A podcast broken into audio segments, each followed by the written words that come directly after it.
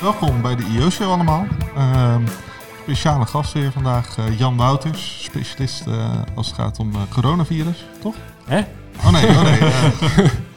over alles wat met automobiliteit te maken heeft en vaste columnist voor Innovation Origins ook. Ja.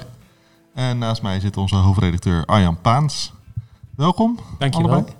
Ja, ik wou een beetje de diepte ingaan vandaag. Maar we hadden het net in het voorgesprek over eh, eh, wat nou de invloed van het coronavirus zou kunnen zijn op innovatie. En zowel Jan als eh, Frans die gaan helemaal op slot.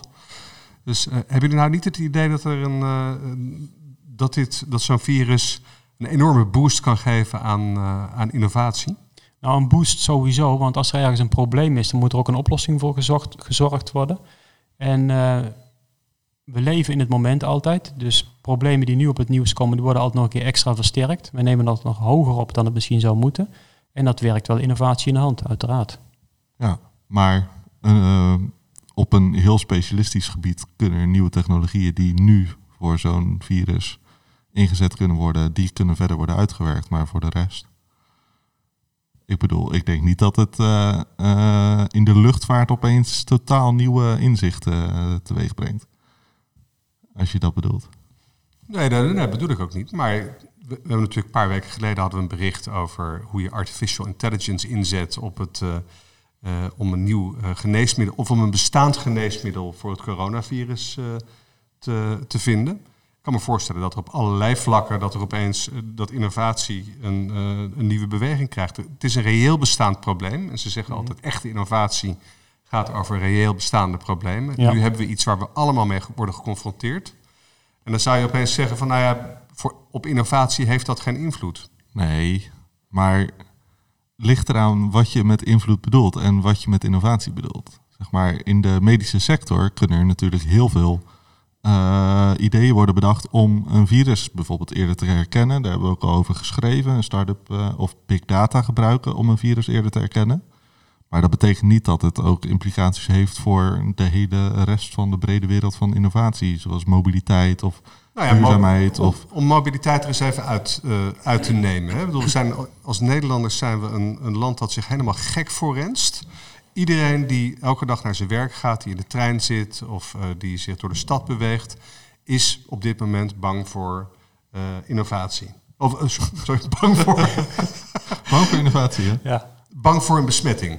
Ehm, Ja. eh, je kunt je toch voorstellen dat je met innovatieve oplossingen, eh, dat je zegt van nou dan gaan we minder forensen, dan gaan we meer thuiswerken. Bijvoorbeeld Eh, Skype, Slack, alles wat al bestaat. Of ja, maar die op dit moment misschien minder worden ingezet. Want mensen gaan nog steeds vijf dagen per week over het algemeen naar een, naar een kantoor waar ze heel veel andere mensen ontmoeten.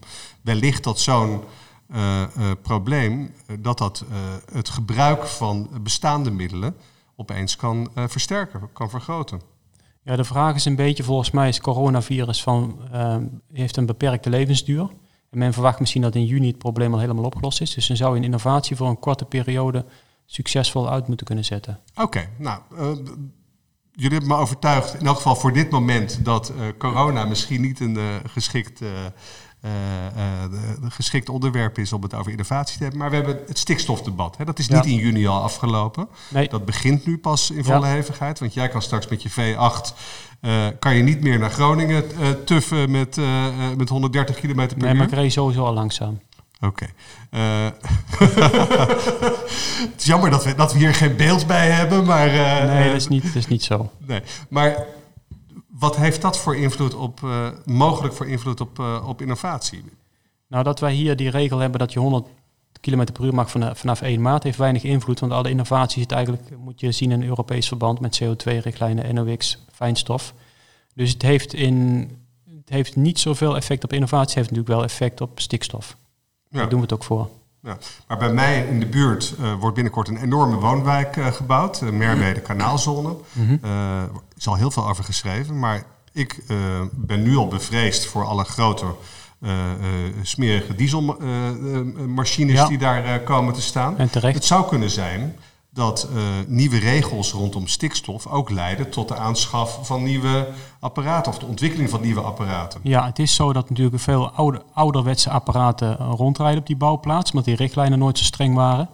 Uh, de, de, maar het probleem is tweeledig, want er zijn ook hele schone dieselmotoren. Alleen die komen vaak niet goed op, uh, op temperatuur, waardoor de systemen niet goed werken.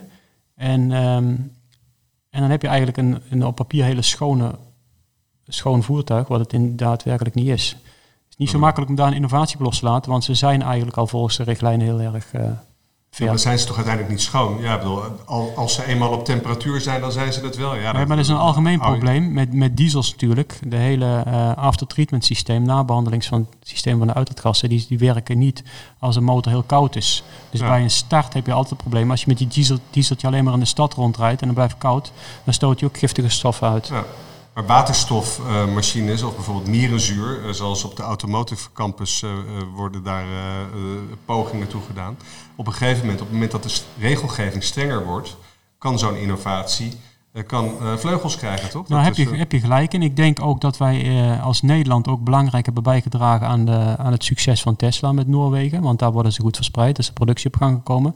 Dus als wij deze incentives niet gehad hadden, dan was het... Welke incentives bedoel je dan? Waarom heeft Nederland daar dan uh, nou ja, aan geen, bijgedragen? Geen BPM, allerlei uh, regelingen, MIA, KIA en natuurlijk uh, geen motorrijden. MIA, KIA? Ja, allemaal investeringsaftrekmogelijkheden. Oké, okay. ja, En je hebt natuurlijk je hebt geen uh, motorrijtuigenbelasting, wat eigenlijk wegenbelasting is. Uh, je hebt geen BPM op die auto's. En uh, er was ook nog een, een, een, mooi systeem natuurlijk voor de bijtelling. Ik denk dat wij volgens mij hoeveel Tesla Model S hebben hier, Model 3's hebben verkocht? 30.000? Ja, vorig jaar 30, Afgelopen jaar? 30.000. Dat is natuurlijk wel een belangrijke bijdrage. Zo kun je als klein landje toch bijdragen aan een verandering in de industrie. Ja. Maar dan gaat het meer om het overheidsingrijpen dan dat er dan het probleem wat ja. daar vooraf is. Nou, het probleem is milieuverontreiniging. Uh, ja.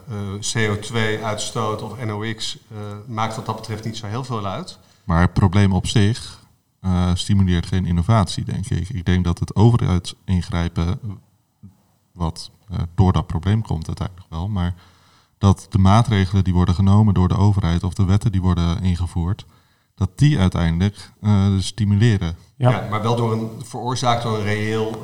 Maatschappelijk probleem. Ja, ja nee, ja. dat absoluut.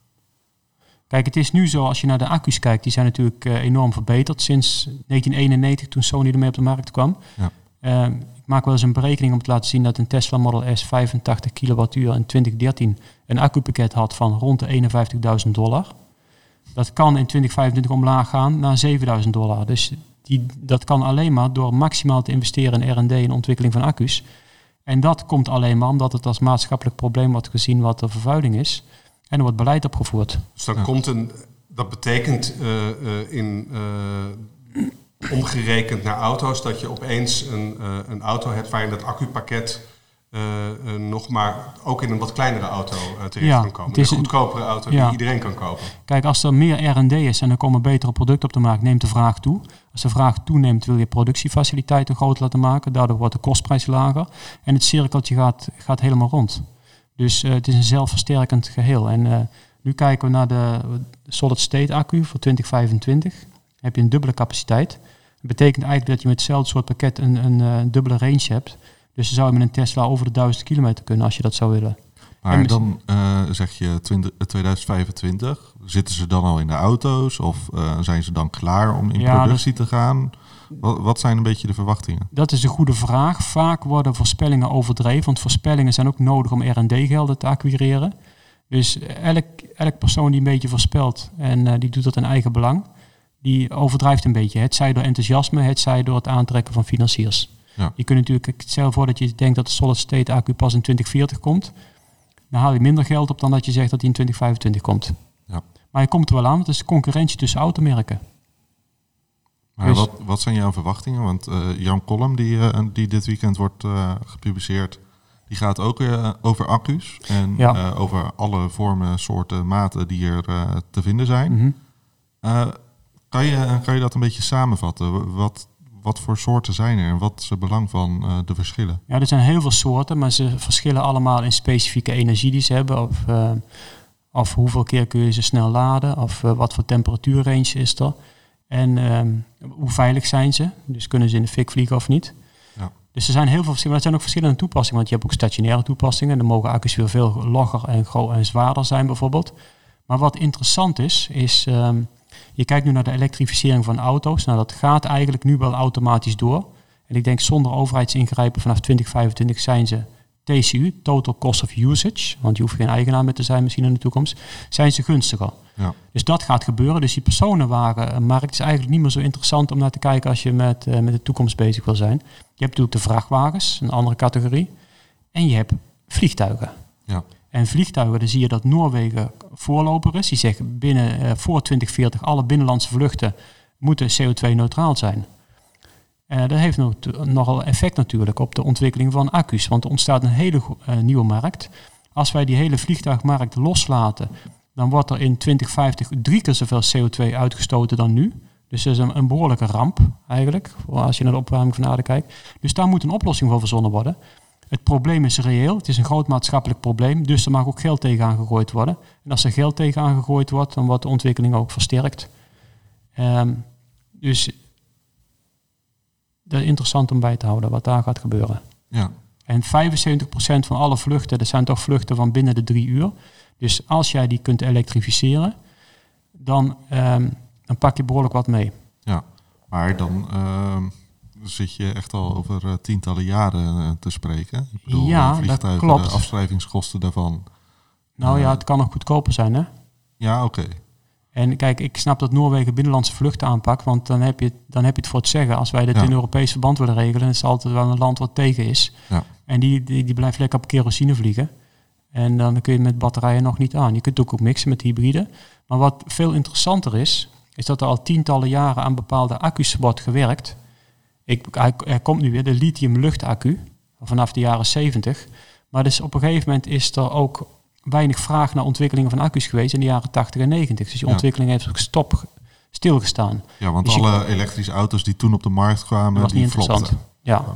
En dus je kunt niet zeggen van, ja, daar werken we al 40 jaar aan. Nee, van die 40 jaar hebben we er misschien drie jaar serieus aan gewerkt. En het is Ja. misschien goed om het weer op te pakken. Die lithium luchtaccu, die kan theoretisch dezelfde energiedichtheid als kerosine Oh, halen. en dan wordt het pas interessant natuurlijk. Nou ja, dan wordt het ook gewoon goedkoper en dan kun je gewoon elektrisch vliegen. Ja. Echter, die lithium eh, luchtaccu's zijn nogal instabiel. Dus dat is in een vliegtuig niet handig. en je kunt er Die niet... kan ontploffen. Ja. die- nou, bijvoorbeeld, ja. Beetje een niet Hindenburg-idee krijg je dan. Sorry? Een Hindenburg-idee. Eh, Een beetje dat idee, ja. Ja. En eh, snel laden is een beetje moeilijk en de levensduur is lastig. Maar ik bedoel, als je, mijn overtuiging is, als je genoeg geld overal tegenaan gooit, dan ga je die problemen gewoon oplossen. Dus dat is de leuke uitdaging voor de accu's. En Tesla heeft pas geleden gezegd, ze hebben nu 250 wattuur per kilo. Ja. Ze kunnen er 500 met, eh, met nieuwe kathodetechniek en dergelijke. Kobalt gaat er ook uit, mooie ontwikkeling. Ehm, Ja, want dat Ja. betekent, kobalt gaat eruit. Eh, wat dat betekent is dat je eh, geen mijnen in Congo meer hebt. heb je toch Maar- hè, voor, de, voor de traditionele industrie, maar niet meer voor de accu's. Ja, En dat meer voor de accu's, wat nu eh, nog wel eens aangehaald wordt als punt tegen elektrisch rijden. Van ja, maar Ja, hey, klopt. kijk eens naar eh, al die kinderen die in mijnen aan het werk Ja. zijn voor jouw accu. Ja, Eh, want ja, en dat twitteren ze dan op een telefoon waar ook kobalt in zit. ja. Dat is een tweede. Maar ehm, dat is een van de grote ethische kwesties nu rondom accu's en rondom de groei van de accu-industrie natuurlijk. Ja, ik vind lithium ook een behoorlijk ethische kwestie, want het trekt, onttrekt grondwater, waardoor heel veel boeren in de problemen komen. Oké. Ik, ik hoor jou helemaal niet, Jan, over ehm, eh, bijvoorbeeld iets als een hyperloop. Is dat gewoon een, een, een- een luchtkas- een luchtkasteel? Is dat een verzinsel? Er zijn overal in Europa zijn er eh, ontwikkelingen op dat gebied. Ehm, overal wereldwijd trouwens eh, ontwikkelingen op dat gebied. Maar ik hoor jou alleen over het elektrificeren van het al bestaande eh, vliegverkeer. Of het eh, elektrificeren van het bestaande wagenpark. Zijn er geen alternatieve mobiliteitsvormen denkbaar waar we veel meer aan kunnen hebben en die veel eh, eh, disruptiever zijn? Ik vind de Hyperloop, ik vraag me af welk probleem dat gaat oplossen. Want je hebt een hele infrastructuur nodig om die Hyperloop te maken. Het is ook qua veiligheid is nog wel een dingetje. Ja. En we hebben vliegtuigen, die hebben geen infrastructuur nodig. Dus volgens mij, eh, als je wil concurreren met vliegtuigen en dergelijke, denk ik dat het niet zoveel zin heeft. Maar ik ben geen specialist in de Hyperloop, om eerlijk Nee. te zijn. Nee, maar goed, je zou kunnen denken van wa- waarom ontwikkel je dat door wa- waar je het al jaren mee doet, waar je het al hon- al honderd jaar mee doet en wat bewezen ook eh, eh, best eh, vervuilend is. Ja. Terwijl een hyperloop natuurlijk een bepaalde infrastructuur nodig heeft, maar er is ook al een spoorwegennet Mhm. eh, dat nu veel te langzaam gaat. Die hyperloop die kan dat in een, eh, die kan het met een de factor zoveel eh, verkorten. Ja. Ja, ik vraag me af hoe het met de veiligheid gesteld is. Met zo'n systeem voor aanslagen en dergelijke. Nou En ja. het, het dysfunctioneren misschien van het vacuüm en zo. Want zodra het vacuüm weg is, dan, Heb je wel een probleem. dan heb je een groot probleem. Ja. Je bent geen fan. Als ik het zo hoor. Ik vind het nogal behoorlijk ingewikkeld en ik vraag me af welk probleem je ermee gaat oplossen. Ga je daarmee het vliegen, het vliegen oplossen? Ik denk het vliegen is zo goedkoop op het ogenblik. En als je dat ook nog kunt gaan elektrificeren, dan is het probleem wel een beetje voorbij, denk ik. Ook qua, Ja. qua geluidsoverlast en zo. Maar goed, op elektriciteit zit wel eh, eh, belasting en op kerosine niet. Dat is misschien ook een verschil. Ja, maar het is wel zo dat als een vliegtuig op een gegeven moment op batterijen kan vliegen, dan is de efficiëntie veel hoger natuurlijk Ja. dan nu. Ehm, waar, we het nooit over, eh, waar we het vaak niet over hebben, is... eh, we hebben het heel vaak over elektrische auto's. We hebben het over hoe vies diesels zijn en benzineauto's. Mhm. Jij zegt soms, dat valt best mee. Als Nou, je maar hard genoeg rijdt. Ja, nou kijk, sowieso eh, is als een verbrandingsmotor op temperatuur is, dan voldoet hij pas aan de juiste eisen op NOx-gebied en fijnstof Ja. en CO2. Ehm, ja, dat is het grote mankement van auto's met een verbrandingsmotor, is dat die verbrandingsmotor is geschikt om 180 of 200 meter te rijden, dan gaat dat, maar dan rijden we nooit. Ja. En in D-lastgebied is een motor buitengewoon ongunstig. En dat doe je met allerlei technische trucs, zoals cilinderafschakeling, variabele kleptiming, zal je ervan onthouden. Maar een, een automotor is in wezen ongeschikt voor een voertuig, voor wisselende belastingen en toerentallen. Het is eigenlijk een stationaire motor die maar op één toerental en belastinggebied efficiënt is. Ja. En ik zal je een voorbeeld geven van een hele snelle auto van vroeger, een Lamborghini Miura. Die had bij 60 km per uur een rendement van 8%. Ja. Dus 92% gooi je gelijk weg. En bij 240 had hij een rendement van 23 of 25%. En dat komt omdat die bemeten is om het goed te presteren bij hoog vermogen. Dus in die zin moet je met eh, snelle auto's heel snel rijden, want anders heeft het geen nut. Mijn auto heeft het, het beste rendement bij 250 km per uur. En dan haal ik 40%. Maar in de stad haal ik dat lang niet. Maar ik, ik rij nooit 240, dus het is ongunstig. Maar zeg dan jij dat het- dan zeg je dat de maatregelen van het kabinet mogelijk verkeerd eh, kunnen uitpakken? Omdat we straks allemaal langzamer gaan rijden en eh, dus een eh, veel hogere uitstoot eh, en veel minder efficiënt eh, zijn? Ja, het maakt bij mijn auto niet zoveel uit of je er 100 mee rijdt of 130. Maar laten we eerlijk zijn, wij zijn wel het land van de kleine autootjes. De iGo's en dergelijke. En die rijden bij 90 een stuk zuiniger dan bij 130. Dus de maatregelen zijn om CO2 te besparen heel goed. NOx vraag ik me af. Waarom niet? Nou ja, eh, hoe vaak rij je boven de 100 als je woon-werkverkeer rijdt of je rijdt op een provinciale weg? Dus maar een heel klein aantal kilometers wordt harder dan 100 gereden. En eh, dan, dan heb je misschien een klein beetje besparing, Symboolmaatregel dan? deels. Hoeveel? Hoeveel hoe groot is dat deel? Ja, ik denk als je over stikstof praat en je praat over tientallen procenten die je moet besparen, dan ga je met de snelweg met 100 km per uur rijden niet halen. Kijk naar rondwegen in Amsterdam of waar dan ook bij Utrecht, waar je nergens harder dan 100 mag. Dus er zijn niet zo heel veel wegen waar je 120 of 130 mag rijden. En ehm, vaak als het mag haal je het niet eens vanwege de drukte op de weg. Dus wat dat betreft... zo, Het helpt ja, wel. Het helpt, maar Het het, helpt. het is waarschijnlijk niet genoeg. En eh, er zijn genoeg andere grote problemen die eh, de stikstofdiscussie eh, beter ten einde zou kunnen brengen. Zoals? Nou Ja, eh, noem eens een varkenstal of Oh, eh, ja, ja, de ja, landbouwindustrie. Of, eh, bedoel, daar wordt een merendeel van de stikstof uitgestoten. En eh, oude auto's. En oude auto's, ja. Oude diesels vooral. Volgens mij heb je daar in een van de vorige afleveringen ook al voor eh, gepleit. Ja. Om daar misschien eens een keer een, eh, wat nadrukkelijker naar te kijken. Om een autosloop eh Cash, subsidie, cash eh, voor klunkers of zo, wat ze in Italië gedaan hebben ook. Je lever je oude Fiat Uno in voor een nieuwe en dan krijg je geld. Dat was eigenlijk stimulering van de eigen auto-industrie. Frankrijk hebben ze dat ook gedaan. En cash voor klunkers ook, Ja. wat ze in Amerika hebben gehad. Eigenlijk voornamelijk in eh, je eigen industrie. Eh, Ja, dus dan krijg je in Nederland een, eh, een Donkervoort of een Lightyear. Ga je dan uitkiezen, denk ik. eh. ja, ik vind ja, het goed. Een Ja. leuke tip. Ik ga mijn auto inleveren. Of een BMW'tje uit Born. Zie jij, zie, zie jij in, dat, in jouw... Want jij praat veel met beleidsmakers ook op het gebied van, eh, eh, van dit soort eh, beslissingen. Zie jij, daar, zie je daar al een trend naar of is dit gewoon wishful thinking? Een trend naar wat? Een trend naar een dergelijke regeling?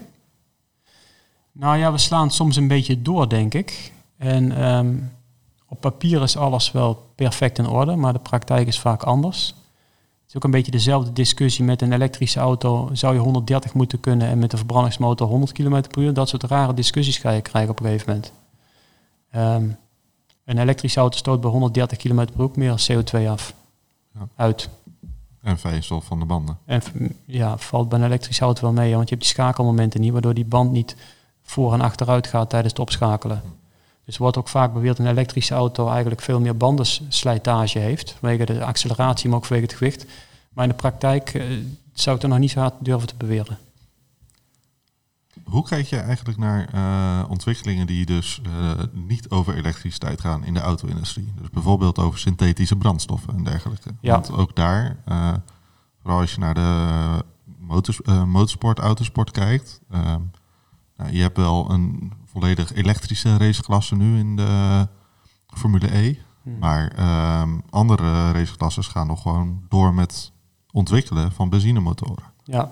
ja, synthetische brandstof. We hebben een Europese wetgeving die eigenlijk alleen maar van tank-to-wiel uitstoot kijkt. En daarom, Ja. daarom is een eh, elektrische auto 0 gram heeft die uitstoot.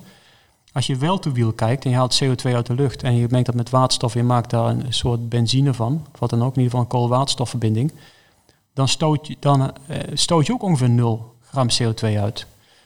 En NOx hou je wel en fijnstof hou je ook natuurlijk. Maar dat zit niet in de wetgeving. De wetgeving is gebaseerd 0 gram heb je alleen van tank-to-wiel. Ja. En eigenlijk zou je zeggen van hoeveel auto's zijn nu elektrisch? 200.000 hè, met de plugins meegeteld op, een, op 8 miljoen auto's. Dus als je een kleine efficiëntiewinst bij de huidige motoren zou weten te realiseren, heeft dat meer effect dan het elektrificeren van het wagenpark. Als je bij elke auto 10 of 20 of 30 procent minder CO2 zou uitstoten die nu rondrijdt, dan gaat het om enorme aantallen. Maar we focussen ons op elektrisch en dat is ook de toekomst. Maar je kunt wel tussentijdse ontwikkelingen, zoals LPG of LNG of CNG, zou ook heel veel effect kunnen hebben op CO2-uitstoot en synthetische brandstof ook. Ja. En ik zou zeggen ook synthetische kerosine, waarmee je het probleem met vliegtuigen oplost. Maar ja, 3 euro per liter is wel een probleemgeval. Maar die prijzen blijven op- ook hoog, omdat er niet in, of, of heel weinig in geïnvesteerd wordt. Dan heb je hetzelfde verhaal weer terug. Ja. ja, en over dat wel to wheel, eh, daar heeft Auke Hoekstra eh, vorige week ook nog een stuk over geschreven. Mhm. Eh, hij heeft uitgezocht van eh, ja, hoe erg is die eh, CO2-impact van diesel en van benzine daadwerkelijk. Ehm, en volgens hem is die een stuk groter, eh wel to wheel, dan daadwerkelijk wordt gedacht vaak. Ja. Maar eh, er is dus niet heel veel innovatie in die synthetische brandstoffen? Of? Ja, Audi is er fanatiek mee, maar laten we ook eerlijk zijn, we zijn zo gefocust op de accuontwikkeling dat als iemand maar roept van ik heb nu een accu uitgevonden die heeft een drie keer grotere capaciteit, staat op alle voorpagina's. Als iemand zegt ik heb een mooie ontwikkeling met syn- synthetische brandstof, zegt iedereen, wat is dat eigenlijk? We, gaan, we rijden toch over vijf jaar allemaal elektrisch. Ja. Dus maar misschien voor vrachtwagens of misschien wat zwaardere voer of misschien wel op de bouwplaats. Waterstof is er ook nog kansrijk voor. Ja, dus je hebt het idee dat daar gewoon wel wat meer aandacht aan eh, naar zou mogen gaan. Ja. En ook niet alleen maar omdat, om die fabrikanten te helpen, maar ook omdat het wel degelijk een snellere Van impact zou kunnen hebben op, op het bestaande eh, wagenpark. Ja. Jazeker. De auto die nu verkocht wordt, die rijdt over 20 jaar nog rond met verbrandingsmotor. Ja. ja, en aangezien bijvoorbeeld BMW nog eh, tot 2050 of zo eh, alleen maar verbrandings in Ja. de verbrandingsmotor blijft steken. Kijk, het is, we hebben de elektrische auto ondersteund en dan kun je dat uitrekenen. Dat kost zoveel euro per kiloton CO2-besparing. Dat is behoorlijk duur geweest. Er waren andere opties waren veel goedkoper. Als je nu synthetische brandstof wil gaan promoten, eigenlijk kost dat ook heel veel geld per bespaarde ton CO2. Maar het is wel een oplossing voor het bestaande wagenpark. Nou, we hebben een paar weken geleden natuurlijk Edwin Westenbroertje van Vier hier gehad. En die Ja. vertelde ook dat die subsidie niet alleen die elektrische autofabrikant iets oplevert, maar eh, ook wel het, de Nederlandse innovatie heeft, ge- heeft geholpen. Infrastructuur. Ja. Ja, heeft hij gelijk in. En zou dat ook kunnen helpen op het moment dat je synthetische brandstoffen meer gaat eh, stimuleren? Ja, uiteraard zou dat kunnen. Maar er is, er is geen, eh, geen enthousiasme voor, denk ik, binnen de politiek. Nee, maar ook, Omdat niet in- ook misschien niet zozeer onder gebruikers. Ik, de, de, afgelopen, de afgelopen maanden was er eh, in eh, diverse media was er het een en ander te doen over, het, eh, over E10. En over het eh, bijmengen van, wat is dat, ethan, bio-ethanol eh, bij, eh, bij benzine? Ja, of gewoon ethanol, maakt niet uit. Ethanol. Ehm, dat dat heel slecht zou zijn voor je motor. Wat Ja. dat betreft hebben ze de, ik weet niet of het klopt, maar het is in elk geval, is het, eh, ze hebben niet eh, de pers mee, zeg maar. Het is slecht voor eh, motoren van, van voor 2002 ongeveer.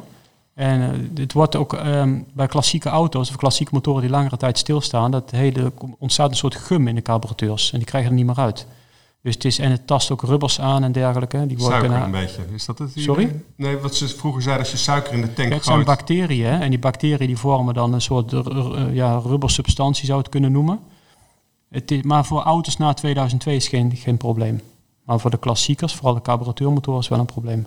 Oké, dus je hoeft niet per se af en toe dan die hele dure brandstof erin te gooien. Dan, uh, uh, voor, die, voor je motor is dat niet nodig als je een nieuwe auto hebt. Nieuwe auto niet, maar als je mot motorfiets, ik heb een aantal motorfietsen en heb ik uh, synthetische brandstof in zitten.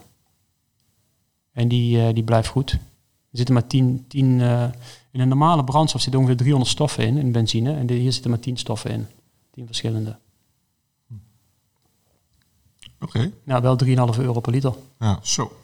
Dat is, uh, Voor die synthetische brandstoffen. Ja. Nou, dan uh, hoop ik toch maar dat uh, de solid state accu snel komt. En, ja, dat hoop ik ook. Maar dat is wel een beetje, ja, weet je, het is ook een beetje fabrikanten concurreren met elkaar van wie komt er het eerst met een innovatie. En die innovatie wordt dan vooral uitgesproken, maar die wordt nog niet gedaan. En ja, nu 2025 misschien. Panasonic zei tijdje geleden 2029 pas. De Chinezen zeggen 2021, dat kan. Je kunt hem nu al produceren, maar er gaat dan te veel geld bij. Ja. Uh, dus je kunt hem al heel snel. En Toyota was volgens mij ook al vrij vroeg ermee. Maar weet je, voorspellingen van autofabrikanten moet je met een korreltje zout nemen. Heeft de geschiedenis bewezen. Dat, inderdaad. Ik bedoel, uh, Tesla is er een mooi voorbeeld van. Een hele ambitieuze tijdlijn uitspreken. En vervolgens uh, een aantal jaar later het product leveren. Ja. Maar goed, dat doen ze wel goed. En, nou ja, als ze, als ze überhaupt worden geleverd. Ja. Toch nog even wat dichter bij huis. Ik doe nog een derde poging. De Hmm. Corona gehad, we hebben NOx gehad. Maar we hebben natuurlijk ook vandaag weer uh, de enorme uh, beurs, uh, de AEX en alle andere internationale beurzen die enorm in de min zijn. Wat heeft dat voor invloed op innovatie? Dat een beurs in de min staat? Gaat dit, een, gaat dit invloed hebben op bijvoorbeeld de auto-industrie en op ontwikkelingen daarin? Nee, ik denk het niet. Want die beurs staat tijdelijk in de min. Want op het moment dat het probleem verholpen is en de Chinezen kunnen weer onderdelen gaan leveren, dan krijgen we een enorme push in de economie. Ik bedoel, die vraag, die, blijft, die latente vraag blijft bestaan. Die wordt alleen nu niet uitgevoerd. Dus ik denk dat het uh, vrij weinig invloed heeft. Dat bewijst ook, uh, dat bewijzen ook eerdere uh, economische terugslagen? Op welk gebied? Nee, maar kun je dat nou, ook ja, staven natuurlijk. met eerdere... Ja, we hebben de Amerikanen hebben op een gegeven moment, die hebben in de jaren 70 liepen ze heel erg achter op het gebied van efficiëntie van motoren. En um, hm. de Japanners liepen heel erg voor. En de kever was ook ontzettend geliefd. Er was er wel een hang naar, natuurlijk, naar, nadat uh, de oliecrisis er was, naar kleine autootjes. En dat heeft wel ervoor gezorgd dat die Amerikaanse industrie ook dat pad gevolgd heeft. Dus eigenlijk zodra mensen het in hun eigen portemonnee gaan voelen, Mhm. en, en, zodra fabrikanten daar slim op weten in te spelen, dan kan een crisis, ah Jan, kan wel uh, direct gevolgen hebben voor innovatie. Een crisis is nou. ook een beetje een schoonmaken van, van producten die gewoon niet, uh, niet goed zijn of die, waar geen vraag naar is, maar die zich nog zelf in leven kunnen houden. Dat is ook een soort schoonmaakactie, denk ik, denk ik, een crisis. Dus in die zin kan het een reinigend effect hebben. Ja, het is alleen wel een beetje lullig voor bedrijven die net kunnen voortbestaan, dat die dan net omvallen en niet profiteren van de, de opleving na de crisis. Dat is een beetje wel een uh, maatschappelijk probleem, denk ik. Dus, uh, kortom, crisissen zijn een uh, kans voor Werken innovatie, reinigend. maar betekent niet dat elk bedrijf er op vooruit gaat. Oké, okay. nou, daar doe ik het voor. Ben je daar tevreden mee? Voor nu wel? Voor nu wel.